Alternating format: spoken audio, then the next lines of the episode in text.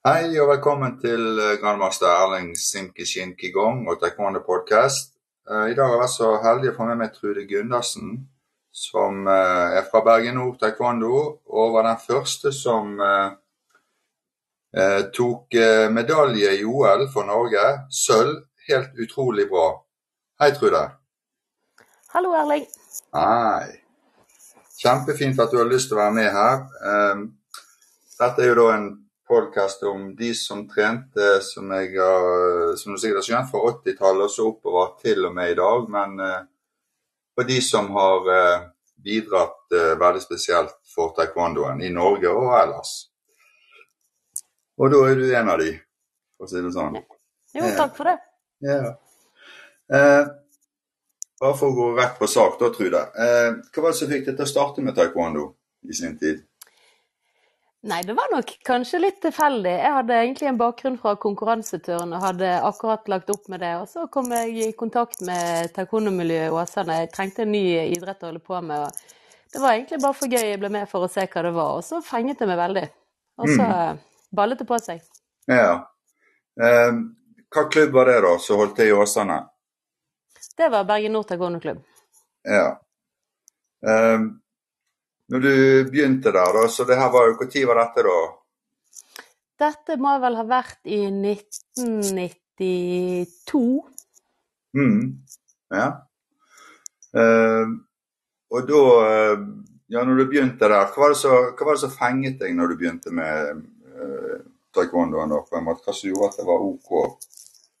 Nei, altså det var jo, for det første var det et miljø jeg kjente noen eh, av de som var med der. Og så hadde jeg jo bakgrunn fra konkurranseidrett og individuell idrett og hadde konkurrert i mange år. Og når man kommer fra turn, så har man jo stort sett eh, god bakgrunn for å mestre veldig mange idretter. Jeg merket vel ganske fort at jeg mestret taekwondo godt. og Jeg syns det var gøy, spesielt det med graderinger, at du ble målt individuelt for hver gang. Det var noen nye mål hvert halvår du skulle oppnå. Jeg så at jeg nådde de målene ganske raskt. Ja, så dette Turen det var jo da selvfølgelig mykhet og smidighet og styrke. Eh, det er jo altså, noe som vi trenger i taekwondo. Så, så da hadde du en forse der, du da, egentlig. Ja, det tror jeg. Altså både det med ja da, ikke minst smidighet, balanse, koordinasjon, og det der med evne til å presse seg sjøl eh, til ytterste grenser. Mm, mm. Eh, hadde du noen sånn mål med treningen da i den første tiden? Eh, det var jo det er litt sånn hierarkisk eh, oppbygget der eh, kampsportmiljøet eh, med beltegrader og sånt. Hadde du noe sånn at du hadde noe mål med, med treningen når du hadde kommet i gang litt? Grann? Nei, altså I begynnelsen så gikk jeg der fordi jeg syntes det var gøy. Jeg hadde trent egentlig hele livet og var vant til å trene mye. og var godt lei av det jeg holdt på med, og så syntes jeg dette var utrolig gøy. Så i starten så gikk jeg der egentlig fordi jeg syntes det var utrolig gøy. og det var vel først etter hvert at eh, jeg begynte å skjønne at det å konkurrere var noe som jeg eh, virkelig hadde lyst til å holde på med. Mm. Ja, for du, du, begynte å være med i konkurranser uh, uh, kjapt du da, egentlig? Sånn, I hvert fall på lokalplan og sånt, uh, regner jeg med?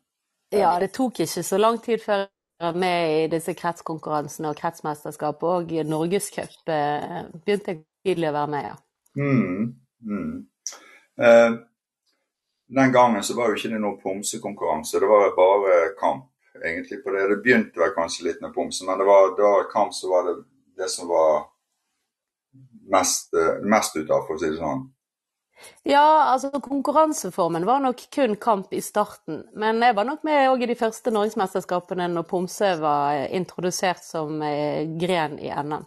Ja. Ja, for Jeg husker jo faktisk uh, vi, vi, arrangerte jo et stevne nå som het uh, Norway Open. Ja. Uh, da var jo meg og deg i ganske tett.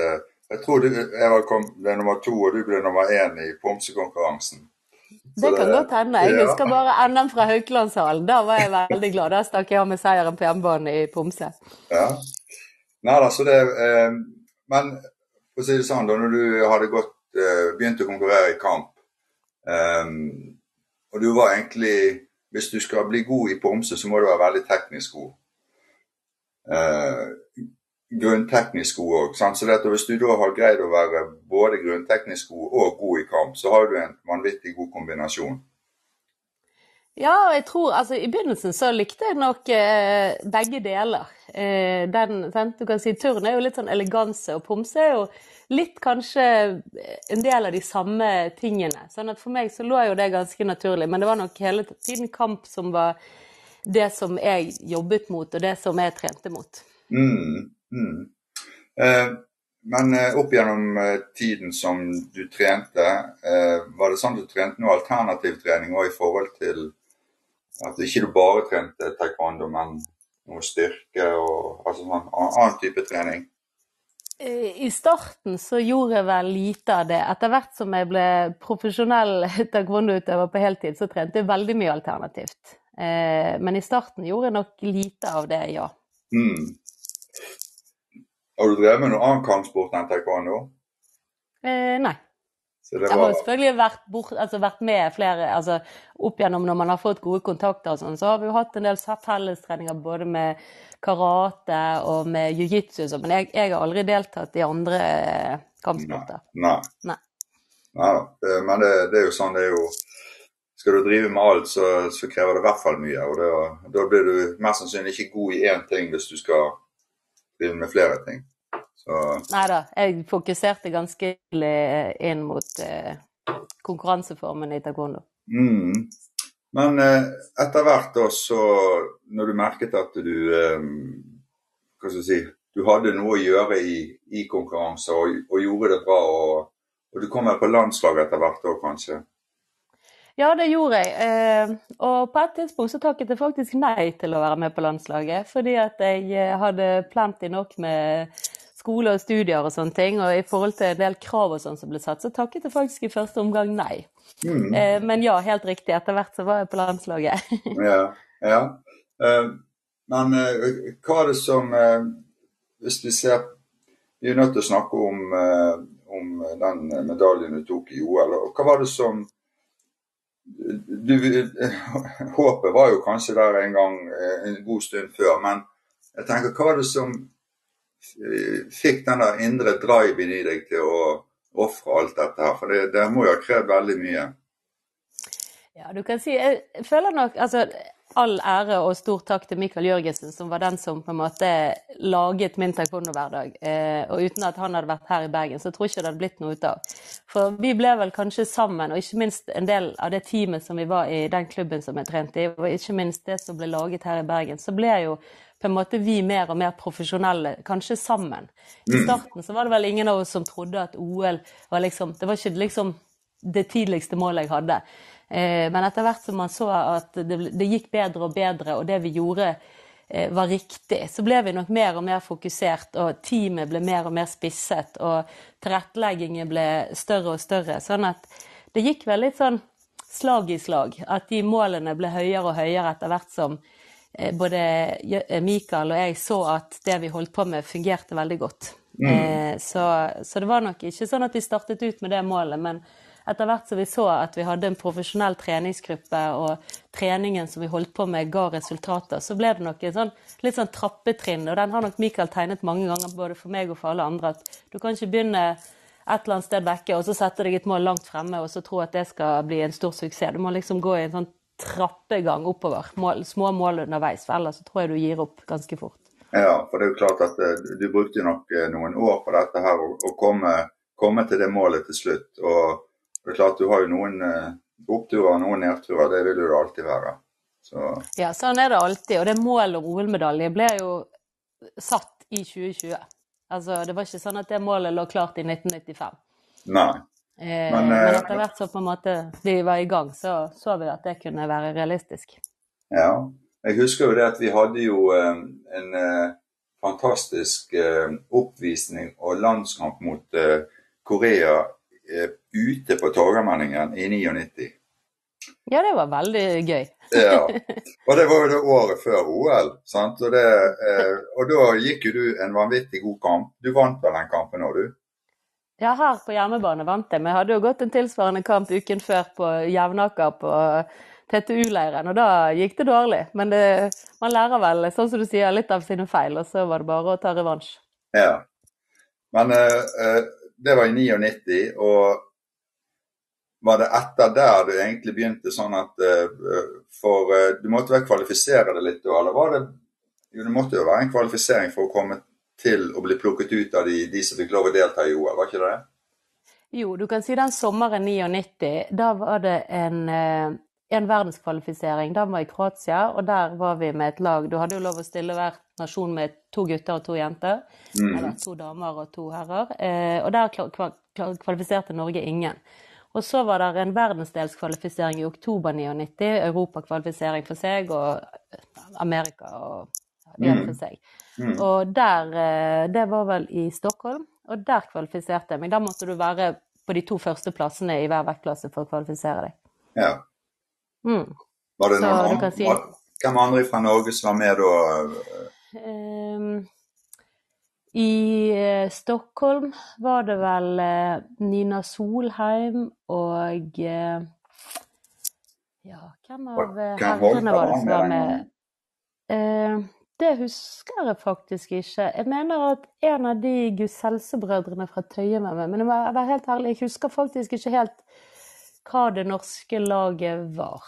Nei. Nei. Men, men du kvalifiserte deg i hvert fall da? når du var Jeg kvalifiserte meg da i oktober 99. Mm. Og da, da var det egentlig eh, Gikk det vel opp litt mer sånn eh, alvor for deg at oi, om et år så er det OL? Det er helt riktig. Og fra det tidspunktet så ble jeg et profesjonelt taekwondo-utøver og gjorde bare det. Da la jeg alt annet til siden. Sånn at eh, frem mot OL da, så gjorde jeg ingenting annet enn å være taekwondo-utøver. Mm. Men jeg, jeg, jeg, lurer litt på, Trude. jeg, jeg har jo gått veldig mye kamp sjøl. Jeg vet jo det at det er jo Er du uheldig, så kan du bli Du kan få en del skader, hvis du, for det kan gå veldig hardt for seg. Eh, hvordan klarte du å altså å bli så god og ikke bli skadet? Altså for det at eh, Selv om du er veldig flink, så kan jo du òg bli skadet. Det er jo helt utrolig, egentlig.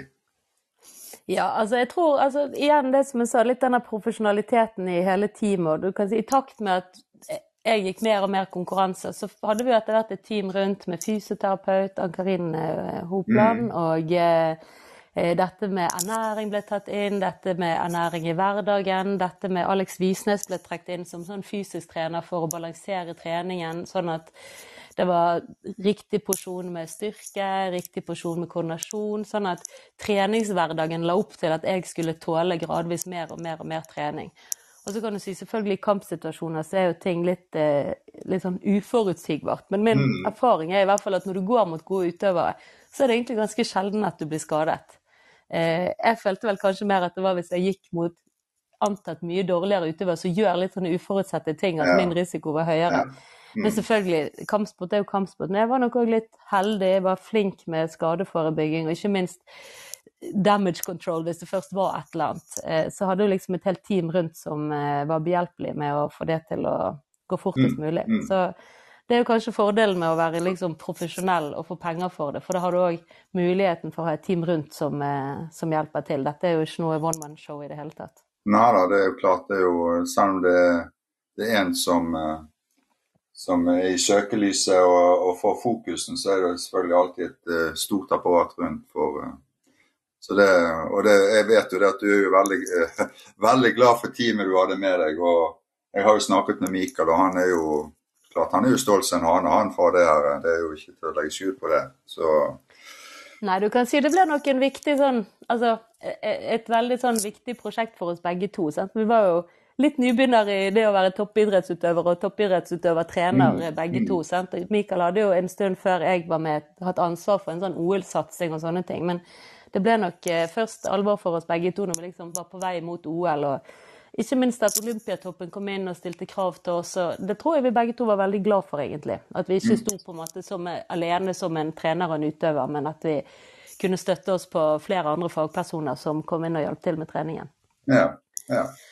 Det er, det, er vel, det er, vel, det som er hele, hele essensen med å ha, ha den type altså så i Olympiatoppen og, og for dette skal spisses, og du skal, du skal bli best. Sant? Det er det som er målet, på en måte. Sant? Ja, og jeg tror òg, altså, litt sånn som Mikael sa tidlig, så var det liksom Jeg kan taekwondo-trening, men jeg kan veldig lite om alle andre. Hvem kan dette? Da må vi få med oss de. Og det mm. tenker jeg er veldig sånn raus tankegang, fordi at eh, en del trenere vil jo gjerne tenke dette er min utøver, det er meg som skal på en måte vise at jeg har fått det frem. Da gjorde han helt det motsatte. Og i hvert fall for min del så tror jeg det var helt riktig at vi liksom knyttet til oss fagpersoner som, eh, som var best på hver sine ting. Ja. Og så kunne han konsentrere seg om å planlegge taekwondo-treninger. Ja. ja da, for det er, jo, det er, jo, sånn at du må, du må eh, Jeg tror jo det at eh, når du kommer opp på det nivået der og det er så profesjonelt, så så er det ingen som trør i andre sine bed. altså Fordi at folk er avhengige av hverandre. Sant? Så da, ja. Så jeg tror det er det samarbeidet der som eh, Hvis det er rett, så, så gir det frukter, rett og slett. Mm. Ja, det tror jeg virkelig det var for oss. Det var liksom Timingen var riktig, folkene var riktig, stemningen var riktig, og alle ville det samme. og vi var en utrolig fin gruppe, både med noen få utøvere, men ikke minst det teamet rundt. Vi var heldige å få knyttet til oss en kameramann òg som kunne reise med oss rundt på, på masse stevner ute i Europa og filme, drive med filmanalyse og sånne ting. Så, mm. så, det var liksom Alt var på plass. Ja. Men uh, før, du, før, du, kom så langt som dette her, og Trude, og bare tenkte på deg sjøl, var det sånn at uh, Var du instruktør eller noe sånt i Bergen Nord opp igjennom? Ja, ja, ja. Eh, I mange år så hadde jeg ansvar for sånn barnetreninger, de yngste, og eh, hadde de, og syntes det var veldig kjekt. Ja. ja, for det er jo det er jo ikke legge skjul på det at Bergen Nord har jo egentlig vært en stor en, en, må ha vært en av Norges største klubber i sin tid og hatt veldig mange gode utøvere. og Det er jo, det er jo fordi at de har hatt mange gode instruktører å regne med. Ja da, og så tenker jeg det er jo en del av det å være med i en klubb. sant? Når du henter ut mye, så tenker jeg at det er fair and share å gi litt tilbake òg. Og det er kjekt av og til å gjøre noe annet enn å bare stå i fokus sjøl. Og det å ha treninger syns jeg i hvert fall på, på, I en tid der jeg hadde tid til det, så ja. syns jeg det var veldig kjekt. Å være med og ha graderinger med de yngste og sånne ting. Ja, jeg synes det der, jeg synes det er veldig flott gjort. For uh, jeg, jeg, ser jo det at uh, noen, når de uh, um, kanskje de slutter, så, så, bidrar de ikke noe tilbake. Men hvis de bidrar i forkant, så det, blir jo det nesten det samme, på en måte. Altså, det er bare det at du Det, det, det er raust å kunne gi noe tilbake igjen, og ikke bare hente ut, for å si det sånn. Ja. Nei da, jeg tenker det er litt sånn inspirasjon i det òg, og, og, liksom se folk som begynner, og være med og forme dem og liksom gi dem en sånn Hvorfor de holder på med taekwondo. Noen kommer da fordi de har prøvd andre mm. fordi de er med en venn. Og det som kanskje er fint med taekwondo, er at det ofte kan, eh, det kan passe for veldig mange. Fordi at du ikke er på et lag, det er litt opp til deg sjøl. Du viser fremgang. Eh, og det har jeg jo sagt til mange barn som har begynt, at her må ikke du glemme at her er ikke et lag du skal bli tatt ut. Du blir ikke sittende på en benk. Graderingspapirene dine fra gang til gang, det står der hva vi skrev. Hvis du har blitt bedre, så må ikke du se på naboen, du må bare se på om du, du har utviklet deg. Og det tenker jeg gjør taekwondo en veldig fin idrett for de som kanskje ikke trives best i lagidretter. Mm. Helt rett, eh, Trude. Eh, lærte du noe av å være instruktør, da? Ja, jeg hadde jo vært instruktør i turn òg når jeg kom, så jeg hadde jo vært instruktør eh, en del tidligere. Det er jo et eller annet med det. Med en gang du hopper ut av en aktiv karriere, så blir du hanket inn på trenersiden. Så jeg hadde jo både vært dommer i turn og, og vært instruktør for sånn rekrutteringsturn. Eh, og jeg tror kanskje ikke man er så det bevisst når man er såpass ung, men kanskje det er noe man tenker mer i ettertid, at den rollen man har er jo egentlig veldig viktig. Man er en voksen person, man er kanskje en de ser litt opp til. Så hvordan man liksom ter seg og fører seg, det har kanskje mer å si enn akkurat hva man sier på en trening. Mm. Ja, det er sant. Det er veldig viktig. og det, det, Du har en sånn påvirkning som du kanskje ikke er klar over sjøl. Alltid. Ja. ja, helt klart. Ja. Eh, har det vært noe forandring i sporten? Eh, si, har jo, nå har jo du ikke vært med sånn aktivt de siste årene, så vidt jeg vet. Men eh, for du har jo begynt å jobbe Begynt og begynt! ja. Jeg jobber som overlege på barneortopedisk avdeling på Haukeland sykehus. Utrolig bra. Så det, det er utrolig at du har klart å gjøre begge deler. Så du studerte til dette samtidig. Det er jo helt utrolig. Ja da, og det var nok det som til slutt tok eh, liksom Jeg måtte velge til slutt. Eh, jeg kunne ikke ha en like aktiv taekwondo-karriere som jeg hadde samtidig som jeg studerte. Jeg var heldig og fikk et år fri når jeg skulle inn mot OL. Eh, og så fikk jeg ikke mer, og jeg prøvde et år og kombinere begge deler, og det ble rett og slett altfor mye. Og da Ja, ja. var det ett av to. Jeg sa det til Mikael, og enten så må jeg flytte til utlandet for å bare gjøre dette, eller så må jeg si nei, nå vil jeg ikke mer, og så må jeg konsentrere meg om resten av livet. ja. Det, jeg, tror det var, det det jeg tror det var et godt valg, Trude. Absolutt. Ja, det, hadde det vært en annen fotball eller alpint eller golf der det, du kan liksom nærmest legge deg tilbake på en aura av penger, så er det kanskje noe annet. Men taekwondo har jo aldri vært en sånn idrett. Og da, på et eller annet tidspunkt må man si at eh, nå har jeg gjort mitt, og så får noen andre ta over. Jeg tror ikke det kommer til å bli sånn heller i, i kampsporten, på en måte. Med, I hvert fall ikke sånn for allmennkampsporten at det, det blir så mye penger i det at du, du må nok ha en jobb ved siden av. Så det, Ja da, det tror jeg òg. Ja. Eh, men har det, har det vært noen eh, Hva skal du si eh, Sånn forandringer med taekwondoen siden du holdt på, og til i dag, syns du? Ja, altså du kan si akkurat den klubb-taekwondoen tror jeg jo Altså den som foregår liksom i grasroten nede i, i klubbene, den tror jeg jo er kanskje mye det samme. Litt forandringer i noen ting som er graderingskrav. Men den konkurransebiten har nok forandret seg i veldig, veldig stor grad. Og nå har ikke jeg eh, vært eh, tungt involvert, men jeg prøver å følge litt med. Og jeg tror jo, av det jeg hører av de jeg har snakket med, sånn, så har det forandret seg til at det blir det er litt, blitt litt for mye av det, av det gode, på en måte. Man skal liksom fasilitere hodespark og dette her, og så blir det nesten litt eh, idiotisk. Det har liksom gått litt vekk fra, fra det det var. Ja. Mm, både med poenggivningen og dette med elektronisk poenggivning og sånne ting. Så, så tror jeg det er blitt mer uforutsigbart, og det, det er ikke nødvendigvis de som vi tidligere ville sagt var de beste, som alltid vinner. Nei, for det, det er en PC som bestemmer når du har fått poeng og ikke. Det er ikke og da trenger ikke teknikken alltid være en taekwondo-teknikk, bare du treffer. Ja.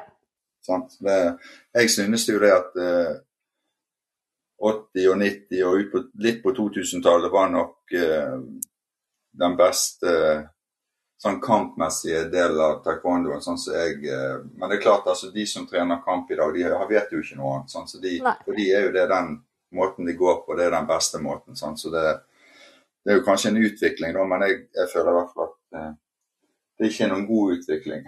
men det er min mening. Nei, og det tror jeg de som på en måte kjenner begge ærene, er, er ganske enig i. Eh, og eh, av det som jeg har sett av taekwondo-kamper og sånn i det siste, det er jo et mye høyere tempo, men jeg syns det er mindre underholdende å se på.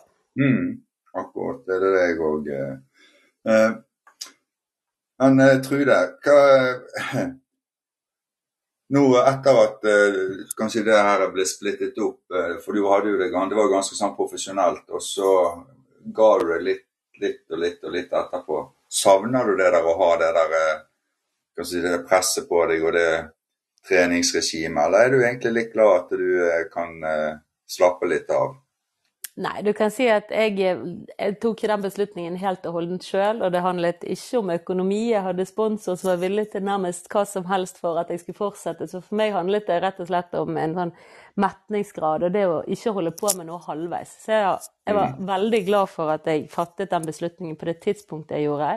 Da hadde jeg reist rundt Altså, jeg hadde sikkert flere reisedøgn borte enn jeg hadde hjemme. og eh, jeg er veldig glad for at jeg ikke fortsetter med den konkurransebiten halvveis. For det tror jeg, da tror jeg jeg hadde fått en sånn dårlig følelse og sluttet liksom sånn på en dårlig måte. Jeg sluttet Ja, etter VM i ga det på topp, 2001. Det er det som, er, som Ja, er vanskelig. eller i hvert fall eh, Ja.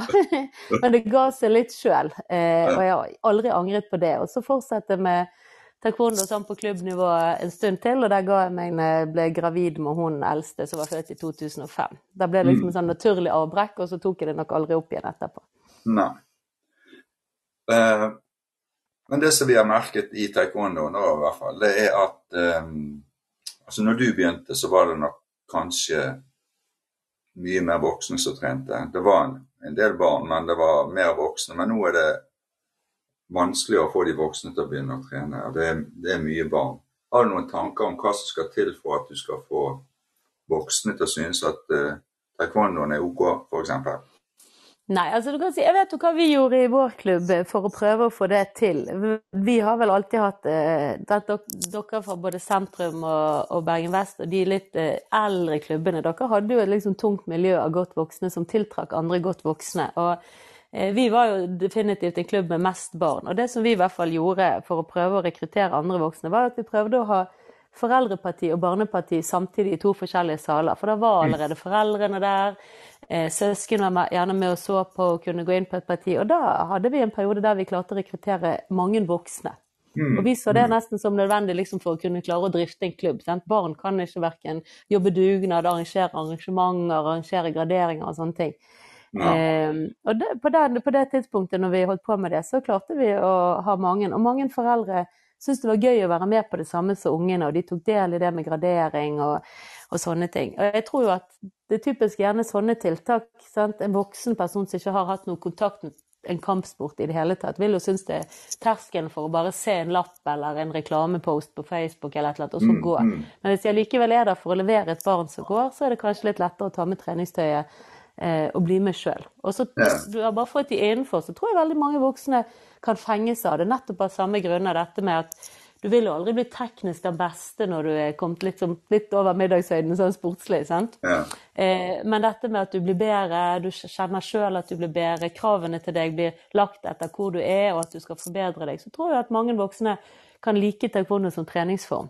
Ja, for du trener jo egentlig hele kroppen. Det er jo ja, Du trener både styrke, smidighet, kondis, du trener alt. Så dette, de får egentlig alt. Og det er jo, det er jo klart at eh, når du er ung, så har du ambisjoner om å, å komme opp på et visst nivå. Og sånn som for meg, så når det går hin-veien, så har jeg ambisjoner om å holde nivået som jeg kanskje har hatt en gang, lengst mulig. Ja, Sånn, ikke, ikke bli dårligere. Ja, sant? Så det er jo litt sånn eh, Ja. Men, ja, men jeg tror liksom du må få de innenfor, liksom. Og det er der bøygen er, sant. Ja, det er det. Men eh, hvis du hadde vært ung igjen i dag, Trude, eller yngre, hadde du begynt med kampsport igjen, nå, tror du? Eller var det helt tilfeldig? Det var nok helt tilfeldig. Eh, det var det virkelig. Eh, når jeg ser tilbake på det, så er jeg ekstremt glad for at jeg gjorde det. Og eh, jeg sier det til mine barn, det er ikke så viktig hva idrett, men det at de Altså, jeg ser tilbake på min idrettskarriere både innenfor turn og taekwondo som et stort pluss. Det å få mange venner på kryss og tvers av både by og land og Eh, å få være med på det, det samholdet, det å reise på turer, det å konkurrere, det å ta del i andres opp- og nedturer, det at andre tar del i dine. Det er liksom en sånn verdifull greie som du som du ikke må ta Altså, man kan ikke ta det som en selvfølge. Så Nei. for, nei. at det for meg var taekwondo som ga det, det er jeg jo veldig glad for. Eh, men jeg tenker man kan sikkert fint få det samme. Men, men det å holde på med noe som du får lov å dyrke, det tror jeg det er et privilegium som ikke alle får, og som man må være ekstremt glad for at man har fått lov til å ha. Ja. Og det er jo klart at du er jo Du står jo i historiebøkene for ever og alltid, sant? så det er jo det er jo klart at du har jo Ja, du har jo fått et navn, så du vil aldri bli glemt, for å si det sånn. For det er jo å få medalje i OL, det vil jo følge, følge det resten av livet. og ja, sant? Så det Jeg er jo utrolig stolt at du er fra Bergen og at du klarte det. Der. Det må jeg bare si. Og jeg har vært med og trent deg litt. Grann. litt ja, ja, jeg må bare fortelle en liten morsom historie, og det var etter OL. Eh, Det var jo før når vi hadde telefonkatalog. Ja. Så var det en, og vi hadde fasttelefon, og da var det en gammel dame som ringte hjem her. Eh, hadde funnet nummer i telefonkatalogen, ba om å få snakke med meg. Det var nok en av mine foreldre som svarte. Mm. Og, eh, og, og ville bare takke meg for at hun hadde fått sett en så spennende idrett på TV. Hun hadde aldri hørt om taekwondo, men hun syntes det var så kjekt at en fra Norge hadde hevdet seg i noe så eksotisk. Så hun ville bare takke. Mm. Det, det husker jeg den dag i dag, for jeg syns det var så morsomt. Og det er klart, det. Du har nok, eh, du har nok inspirert veldig mange damer og jenter. Og, for det er klart, det er lille Norge og så klarer dette, det er jo det er egentlig helt utrolig. Ja, vi har jo ikke så mye sånn tradisjoner for kampsport i Norge. Andre land utover i Europa og i verden så er det jo store tradisjoner og store på en måte satsing. Men Norge har jo Mm. tradisjonelt sett tidligere i hvert fall ikke hatt eh, så stor satsing inn mot kampsport. Nei, nei. Eh, er det noen av barna dine eller andre i familien som har eh, trent eh, taekwondo? Eller er det Eh, nei. Nei, det har gått i andre ting. Og de har fått prøve, og de har drakter. Men eh, jeg har sagt det òg, de skal få lov hvis de har lyst, og de har blitt fenget av andre ting. sånn at ja. Og det syns jeg er helt greit. Ja, Eh, det synes jeg tenker at det, det viktigste er at de holder på med noe som de syns er gøy, og i hvert fall ikke at de skal holde på med noe for de tror at jeg syns det er viktig at de gjør det. Men da er du med og støtter opp og eh, hva skal du si, du er på sidelinjen eh, med de andre tingene du driver da? Alltid. Jeg har frosset mine tær tusen millioner ganger på en fotballsidelinje og gjør det stort sett daglig Ja. enda. Så vi er glad nå for å ha to uker pause i trening og alt med begge to. Ja. Trude, jeg er veldig glad for at du ville være med på denne samtalen. her, og Jeg vet jo masse hva skal du si, masse om de tingene du har fortalt, men det er ikke alle som vet alt. og Jeg er veldig glad for at du tok deg tid til å fortelle litt om din historie opp igjennom. og ja, Så det, det setter jeg veldig, veldig pris på. Jo, takk for at jeg ble invitert. Det er kjekt Ja. å snakke litt om gamle dager. Ja da, det er jo egentlig det. Og eh, det hadde jo vært gøy hvis du eh, stilte opp på en taekwondo-trening en gang for sånn eh, hva skal jeg si, for sånn voksentrening. For vi, vi har jo faktisk eh, trening, eh, sånn mastertrening da, egentlig det er for de som har trent en stund. Men eh, ja, vi har sånne treninger, så det at eh, og der det går litt sånn rolig for seg, og litt sånn, det er litt mimring og litt trening. sant? Så det, ja. Kanskje jeg dukker opp. Ja. Kan jeg legge en melding? Ja. Ja, ja, du får gjøre det. Ja. Nei, men tusen takk, Trude, for dette. Det var veldig kjekt. Takk for det, Erling. Ja.